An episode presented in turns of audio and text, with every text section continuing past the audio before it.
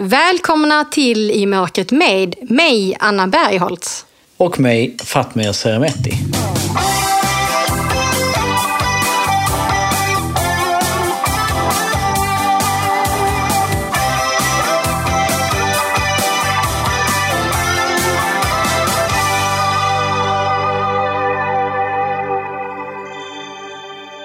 Det är ju svåra tider nu. En märklig, märklig dag att vakna upp igår på. Ja. Här sitter vi liksom dagen efter Ryssland bestämt sig för att invadera ett annat land. Här sitter vi liksom i trygga Sverige och ska spela in det här avsnittet och jag vet ju vad krig innebär. Jag kommer ju ursprungligen från Kosovo och bodde i Sverige när det var fullt krig i Kosovo och, och visste inte vad som hände med släktingar och Eh, och folk som vi älskar och känner där nere. Liksom. Så att se det här återigen hända i Europa är helt vansinnigt. Liksom. Jag tänkte faktiskt eh, ganska snabbt på det när jag vaknade och, och, hörde det här på nyheterna. För jag vet ju liksom din bakgrund. Och sen, sen tänkte jag ju också på att herregud, där är ju massa människor där som kanske inte ens kan fly ner i tunnelbanan som många har gjort. Och, mm. eh, kanske inte ens kan ta sig ut därifrån för att man har någon form av funktionsnedsättning. Alltså vi vet ju redan det sen innan att det är tufft. Och jag tror att många gånger så glömmer man nog den aspekten av personer med funktionsnedsättning, äldre människor och många andra i sådana här situationer. Och jag, jag känner ju personligen ganska många som har synnedsättning eller är blinda i Ukraina som jag har liksom räknar som mina vänner. Och som jag är såklart är orolig över. Jag har ju varit i Ukraina också eh, på träningsläger och det är såklart, det känns otroligt hemskt att sitta här liksom i, i tryggheten och veta vad de går igenom med, med liksom allt ifrån bombningar och flyglarm. Och, ah ska man bomba eh, ja, men, militära mål som de kallar det och, eller eh, ja, men, infrastruktur eh, som är alltså regeringsbyggnader och sånt. De finns ju oftast i städer. Där bor ju också människor. Ja. Liksom, så att det känns ju fruktansvärt. Och just den här tanken som du säger, alltså vetskapen om att det finns människor som inte ser, som sitter i rullstol, som alltså generellt har ju Ukraina haft en ganska stor trupp på alla Paralympics ja. senaste 10-15 åren de har ställt upp. Liksom. Eh, och, och, vet om att det finns väldigt många och, och, de har ju verkligen tagit sig ur den här gamla Sovjet-tänket med att personer med funktionsnedsättning inte finns och ska gömmas undan och sådär till att det blir en stolthet för landet liksom att ha en så stor representation som möjligt på Paralympics. Ja och känna att vad, vad kommer hända med dem nu? Nej men det är skrämmande. Alla har svårt att ta sig därifrån. Och eh, det blir ju ännu svårare såklart om man till exempel inte ser. Där jag jobbar nu på, på Handiscovery så har vi ju medarbetare också som bor i Ukraina och som tur var så, så lyckades vi få ut de tre faktiskt i häromdagen. Så att de är ju på väg till Sverige nu eh, och förhoppningsvis liksom så kan det lösa sig på bästa sätt. Men det är inte alla som har sån tur. Nej, det är just det där att uh, ta sig iväg eh, innan det verkligen händer och hur vet man när det ska hända. Så, men hur, alltså, jag, tänk, jag, jag, menar, jag tänkte mycket på dig, liksom, att du kom till Sverige när du var nio. Mm. Berätta lite hur, hur det var för dig. Jag bodde i Kosovo som barn och då var det ju styrt av den serbiska regimen. Eh, att leva liksom under en regim, under ett land, under en, en ett politiskt styre som eh, var, vars ideologi är att den, den andra etniciteten som finns i det här landet, de är inte värda ett skvatt. De ska liksom tryckas ner, de ska fördrivas, de ska... Eh, liksom det, det är hemskt att leva så. Att gå liksom på Kosovos gator och sådär och känna rädslan av att möta polisen till exempel. Eller myndigheter, liksom, det, var, det var ju fruktansvärt. Och vi fick ju till exempel inte lov att studera albanska språket i skolan längre efter Milosevic bestämde att det bara ska vara serbiska. Till exempel så det, det, blev, det var ju razzior i skolorna, det var massor med sådana eh, Ja men alltså, precis som sådana regimer är liksom på att förtrycka människor. Så att det är det jag befarar kommer hända även här i Ukraina nu när, när ryssarna tar över. Vilket det tyvärr ser ut som att de kommer göra även om ukrainarna så modigt står upp och, och gör vad de kan för att försvara sig själva. Så, så är det ju så att när, när en övermakt som, som då Serbien var i Kosovo eller, eller ryssarna nu så gör ju de vad de vill och inför de liksom bestämmelser och allting som de själva vill. Alltså jag tänker på alla barnen. Jag ja. såg ju massor med bilder idag från skyddsrum och, och, och tunnlar och tunnelbanor och sådär där, där familjer och barn gömmer sig. Jag menar, vad, vad växer de upp med för minnen? Men det som också slog mig när jag vaknade till det här det var alltså, jag började gråta. Jag tänkte, oj men herregud, alltså, det är ju massa krig i världen hela tiden varför blir jag så himla ledsen nu och arg och allt det här? Det är inte så konstigt tycker jag egentligen. För att, Vad tror du att det är då? Ja men det är för det är så nära. För det jag tänkte, är det det? Att det är så nära Ja, nu? det är så nära. Det, det, är, det är ungefär, eh, ja vad kan det vara, 800-900 kilometer till, eh, till eh, Ukraina ifrån Sverige. Liksom, så det, det, är inte så långt. Det är liksom i vår, vår närhet. Och det blir så nära och sen, sen är det ju klart, vi, vi är lite avtrubbade med, med allt våld och vidriga och elände som händer bort i Mellanöstern och, mm. och Afghanistan och, och där borta såklart. Vilket det är liksom ingen skillnad egentligen. Nej, det är ju inte det lika, egentligen. Att de lider är lika, det är lika stort och lika vidrigt överallt. Men efter andra världskriget till exempel så hade man ju hoppats hoppats och tänkt att länder som Ryssland och, och andra hade lärt sig att inte återupprepa det här. Framförallt inte 2022 när vi borde ha varit liksom någon annanstans. Jag tänker så himla onödigt också när vi kanske istället borde gå samman och kämpa för att eh, bara behålla vår planet ja. med miljö och klimatet och allt. Så att, det är så otroligt sorgligt och onödigt och så. Men, men eh, har du haft någon kontakt med de här personerna du känner i Ukraina?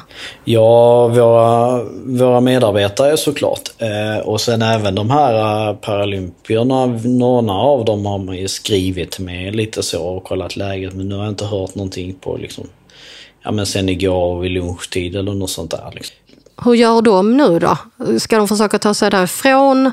Och jag menar, hur går allt det här då när man inte ser till exempel? Nej men alltså jag tror att det bästa man kan göra i sådana situationer det är att försöka liksom hitta ja, men ett, ett ställe där man kan vara och inte riskera att bli söndersprängd. Liksom. Bunker eller någon skyddsrum på något sätt. Liksom.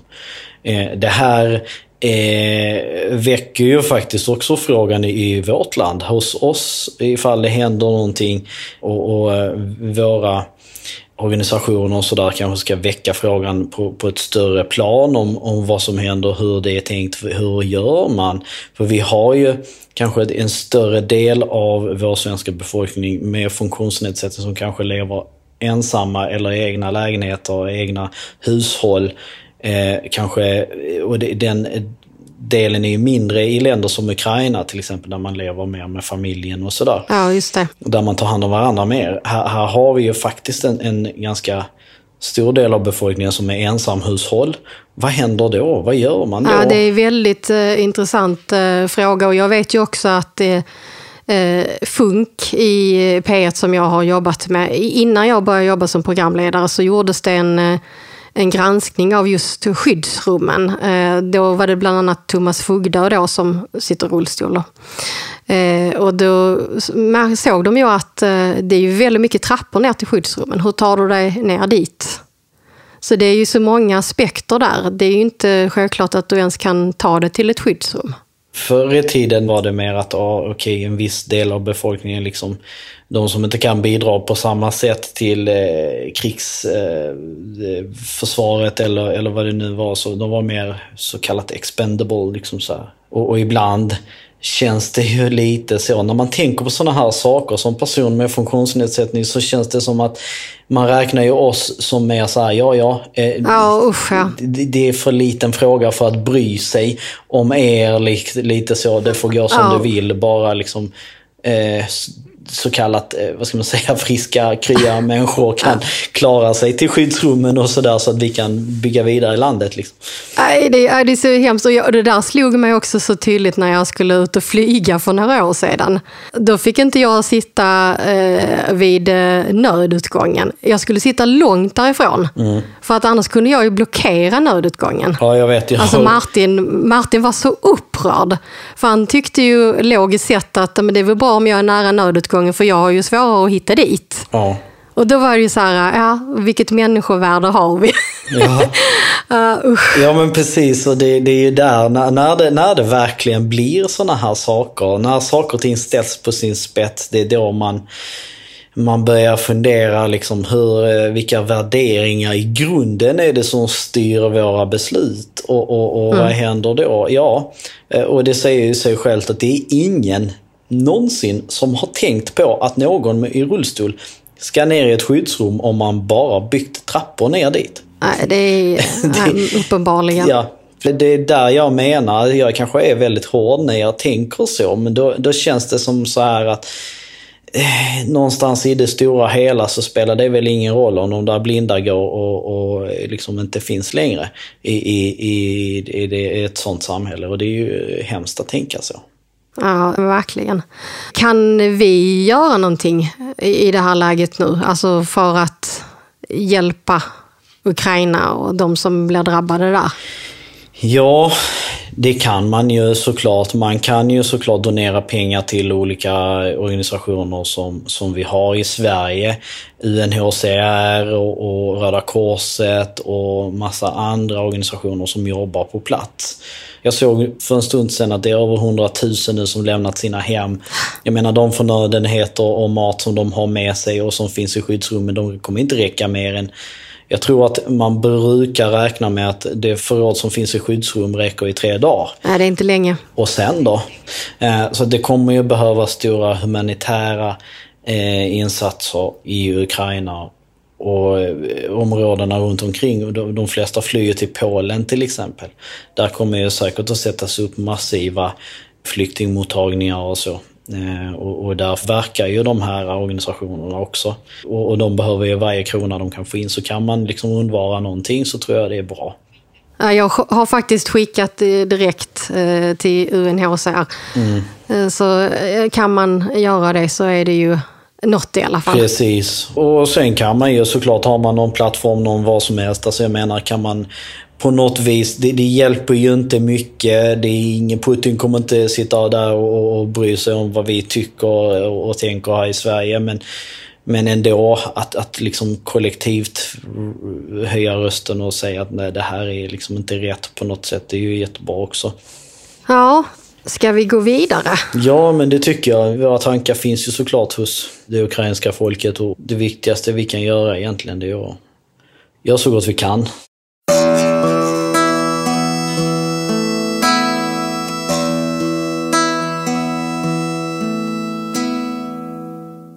Tack till vår samarbetspartner Svensk skrivtolkning som gör det möjligt för fler att ta del av I mörkret med genom att texta våra avsnitt. Textade avsnitt hittar du på vår hemsida imokretmed.se.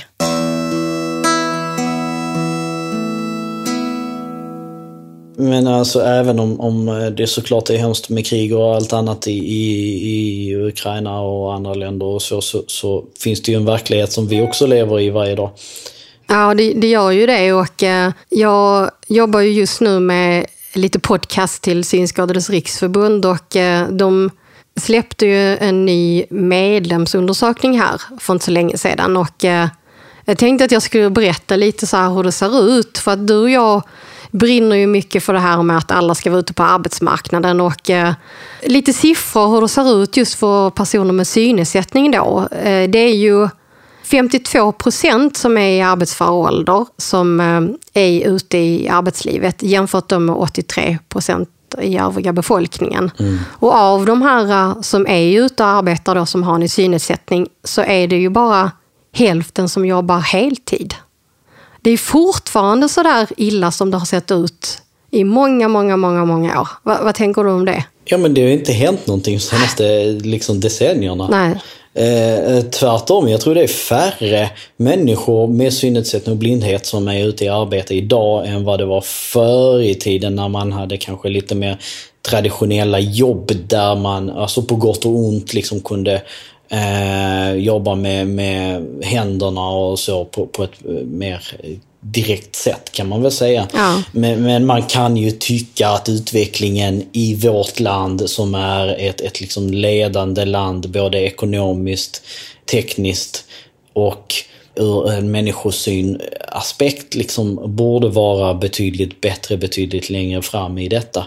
Jag såg eh, Synskadades riksförbunds fem punkter som de ska jobba med inför valet här nu, i riksdagsvalet eh, i september. Och jag tycker de lyfter en av frågorna som är otroligt viktigt, som är väldigt, väldigt eh, någonting som jag tycker vi borde ha jobbat med i väldigt många år. Vilken är det? Det är ju den här att eh, kommuner, regionen och staten till exempel, men framförallt kommunala verksamheter ska säkra att man har interna system som fungerar för personer med funktionsnedsättning. Ja. Som gör att personer med funktionsnedsättning kan ta ett arbete Ja, visst. inom kommunal verksamhet, vilket alltså man har ju ändå någon sorts skyldighet att, att föregå med gott exempel som offentlig verksamhet, offentlig finansierad verksamhet. Men där har det liksom inte funnits speciellt mycket krav eller specificerad krav på den eh, tekniska tillgängligheten på interna system och sånt som utestängt väldigt många människor från att kunna arbeta. Ja, nej, men jag kan ju räkna upp ganska många som inte har kunnat ta ett jobb för att det inte har varit ett tillgängligt system. Och det är ju helt otroligt. Jag menar, där kan ju till och med näringslivet vara bättre många gånger att faktiskt anställa eh, då, personer med funktionsnedsättning. Och det räcker ju inte bara att anställa heller för att om det då säger stopp när man ska jobba med ett internt system för att det inte är tillgängligt, ja då går det ju inte. Ja men precis och det är det som jag menar är väldigt bra. Som alltid så tycker jag det är väldigt bra att man faktiskt lyfter upp ett konkret exempel på vad som kan göra stor skillnad Det är bra. snabbt. Men återigen när man tittar på de här siffrorna och, och vi pratade så om, om skyddsrum och Ukraina tidigare eh, så ser man ju också att det finns ju inte den viljan, den här eh, eh, ja, men, alla är tydligen inte lika värda Nej. eh, i verkligheten. Jag menar, vem hade accepterat att eh, den andra siffran som var på 83 för eh, jag brukar kalla dem för normalstörda. Men alltså personer utan eh, funktionsnedsättning som är på 83 procent. Tänk om den hade varit på 52. Det hade varit man och det hade, liksom, Ja, det hade varit ramaskri. varit ramaskri och, och man hade haft debatter i riksdagen dag in och dag ut om det. Ja. Eh, nu, nu drabbar det bara, inom citattecken, personer med funktionsnedsättning och i detta fallet då synnedsättning. Ja men då, det gör inte lika mycket alls liksom. Och det, det säger jag återigen om värderingarna som vi faktiskt i verkligheten har. Eh, nej, men det är eh, tråkigt, men det är bra att man jobbar med de här konkreta grejerna som man faktiskt eh, kan göra. Och, det finns ju tillgängliga system, så att det är ju egentligen bara att fix it. Liksom. Ja men det gör det ju. Kom igen, om man bara liksom ser till och öronmärker 2% av de jobben som man gör i vissa länder eh, i offentlig verksamhet. Så till exempel i Tyskland så har man ju öronmärkt 2 av eh, den, de offentliga jobben till personer med funktionsnedsättning. Ja, men då har vi ju kommit en jäkla bra bit på vägen. Ja, men då blir det kvotering och det tycker ju inte en del om. Men, eh, men det är en intressant fråga. Nej men alltså visst, man kan ju tycka vad man vill om kvotering eller inte, men på sikt så tror jag att man behöver jobba så. Eh, för att visa vägen. Annars kommer man inte komma någonstans.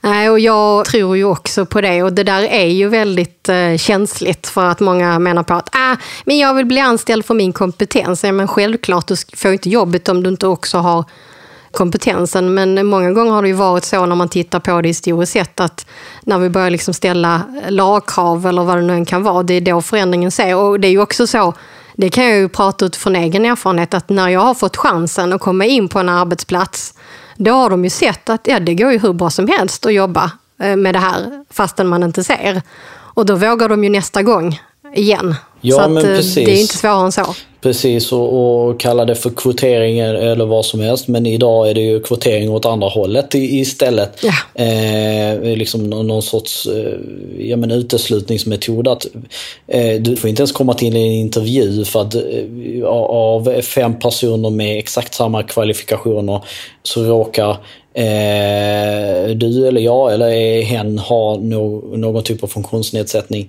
Eh, då blir ju det, räknas ju det som ett minus Mm. jämte mot de här andra fyra kandidaterna. Då plockas man bort på grund av det. Så redan idag finns ju ett inofficiellt kvoteringssystem Ja. där man istället åker ut på grund av sin funktionsnedsättning. Ja. Eh, Så därför har jag faktiskt inga problem med att man inför ett kvoteringssystem på det sättet. Det har inte jag heller. Och våra lyssnare får ju såklart höra av sig och, och, och tycka att vi är helt ute och cyklar. Och ge oss, men ge oss då gärna ett argument till varför det inte ska vara så. Och jag ska ju tillägga det att självklart förutsätter det att man också har kompetensen. Såklart, så är det Och det finns ju många som har det. Mm. Men jag ska faktiskt eh, här, tipsa, om det nu är personer som lyssnar på oss som har en synnedsättning, så finns det faktiskt en förening som heter Blindas väl. Känner du till dem Fatmir? Nej, eh, det är faktiskt första gången jag hör talas om det. Tror jag i alla fall. Ja, ja nej, men det här är ju en förening som har funnits ja, men väldigt länge vad jag vet. Eh, och eh, här kan man faktiskt eh, söka fondmedel då till saker och ting som ska göra att ens arbetssituation blir bättre. Så jag har faktiskt fått eh, ganska mycket pengar där genom åren. Alltså det började med att jag för länge sedan sökte pengar till någon utbildning som jag gick till coach då på den tiden. Eh, och sen eh, har jag ju fått lite pengar till att eh, köpa radioutrustning så att jag kan hålla på med mina radiopoddar och sånt. Så det är ju ett tips. Det kan vara så här, eh, lite hjälp på vägen när man har en synnedsättning och, och söka pengar då via Blindas väl. Så nu vet du det Fatmir. Ja men så bra och det betyder ju att eh, liksom ens arbetssituation ska kunna bli bättre Ja. eller vad det nu är. Ja precis. Det betyder ju också att man kanske inte har något krav på hur mycket eller lite man får tjäna och så eller? Framförallt så är det ju baserat på att man ska skriva ett personligt brev och sen behöver man vara ganska konkret i sin ansökan och kunna motivera det. Sen tror jag att de tittar lite grann på det här med, med ekonomin. Men det, det som är bra med den här äh, föreningen det är ju att, att man kan få eh, fondmedel och hjälp eh, flera gånger om. Ja, ja. Eh, Så att de, jag märker ju liksom att de har ju följt mig och säger att men jag har ju utvecklats tack vare att jag då har kunnat få viss stöd ifrån dem. Eh, Sen får man ju själv liksom också se till att ta tag i saker och ting och så. Men det är ju en hjälp på vägen faktiskt. Men man kan gå in på blindasval.se och där kan man läsa mer helt enkelt. Blindasval.se Du, vi ska hinna med en eh, fråga Ja. innan vi eh, avrundar här idag. Vi pratade ju förra gången om, eh, ja, då hade jag ju min så här deppiga tid med eh, sorgen över blindheten och så. Och pratade bland annat om det här att det är så surt att öppna skafferiet och så vet man inte vilken konservbok det är. Och att jag då har varit dålig på att märka upp mina konservburkar med punktskrift. Och då var det ju någon som undrade, men hur funkar det där? Och så. Jag tänkte på det också, Fatma, hur vet du skillnad? För att du läser väl inte punktskrift? Nej, eh, det vet jag faktiskt inte. Jag brukar försöka välja men kanske annorlunda burkar och sådär. Det är inte alltid det är möjligt. Men eh, nej, jag har samma struggle som du. Eh, plus lite till att jag faktiskt inte kan punktskrift eh, ens i närheten av lika bra som du kan. Så att för mig handlar det om att steg ett, jag måste gå en punktskriftskurs eh, illa kvickt. Och steg två, börja liksom använda det i vardagen mer också. Men har du någon slags system då så att du vet, ja men där har jag krossade tomater och där har jag... Ja men ungefär, jag försöker ju ha någorlunda koll och sen behöver man någon specifik krydda och så är det liksom alla de här 15 olika burkarna som är likadana. Bara, Vilken var det nu som var vilken? Och jag försöker liksom tänka, ja men okej jag har salt längst till höger och så har jag eh, ja men något annat liksom efter det och så. Och sen kommer man inte ihåg det när man väl liksom står Nej, där och det är ju det. Men det gäller ju att minnas och så bara, fan vad ska jag nu ha? Liksom. Och nåde den som flyttar runt på grejerna liksom. Ja, precis, exakt. Ja, nej, men jag brukar ju eh, när jag har ork och så märka upp då kryddburkar och konservburkar och så. En del saker ser man ju tydlig skillnad på som typ tonfiskburkar eh, jämfört med då en eh, ja, typ krossade tomater. Men annars så gör jag ju faktiskt så, det finns ju något som heter Dymotejp. Det tror jag finns typ på Clas Ohlson. Då stoppar jag in det i sån här eh, punktskriftsapparater som jag kan skriva på. Eh, jag har också en sån här elektrisk apparat nu som fungerar jättebra. Och då stoppar jag in där och så skriver jag ut då eh, ja, eh, typ eh, basilika. Och sen eh, klistrar jag fast den här lilla eh, puntskriftsdymotejpen då runt ett gummiband. Och sen eh, tar jag det här gummibandet och så drar jag runt det runt burken. Så när den där burken då har tagit slut så kan jag ju då bara flytta gummibandet. Så. Just det, ja men smart. Men jag kan säga det att gummiband torkar ju ut så att det är det som har hänt här hemma nu. Många har gummiband har torkat ut och gått sönder. Så därför vet jag inte vilka konservburkar jag har. Nej, nej. och sen blir man lite lat när man har en i, i hushållet som ser. Då så här, vad är det här? Vad är det här? Men det är ju skitjobbigt att behöva fråga. Ja, det är klart. Men sen eh, försöker jag ju använda lite tekniska hjälpmedel ibland också, som lite olika appar och sånt som fungerar, som kan läsa av text och, och sånt eh, också. Men det funkar dåligt på burkar just. Ja, det gör det. Ja, ja. Men Facetime är ju också en sån där bra knep. Att man kan ju, om man inte har någon där hemma som ser, så kan man ju Facetime. Men det, det vet jag att en del har gjort när de har hört typ att om man har katt eller en hund, bara, den har spytt någonstans, men var är den där spyan? Så istället för att leta runt så facetimar man med någon kompis som ser och så bara skannar över rummet. Det finns ju faktiskt också en app som man kan, eh, om man ser fullt, anmäla sig till och eh, ibland få samtal och kunna ta emot och så här, hjälpa människor som inte ser. Be My Eyes heter den. Och då kan man till exempel som seende anmäla sig som frivillig att hjälpa till. Och då kan, det kan vara liksom alla möjliga situationer som man kan hamna i. Att man får hjälpa någon som inte ser, eh, får hitta ett tågspår eh, exempelvis. Eller att eh, kolla på eh, om mjölkpaketet, liksom om mjölken har gått ut i datorn.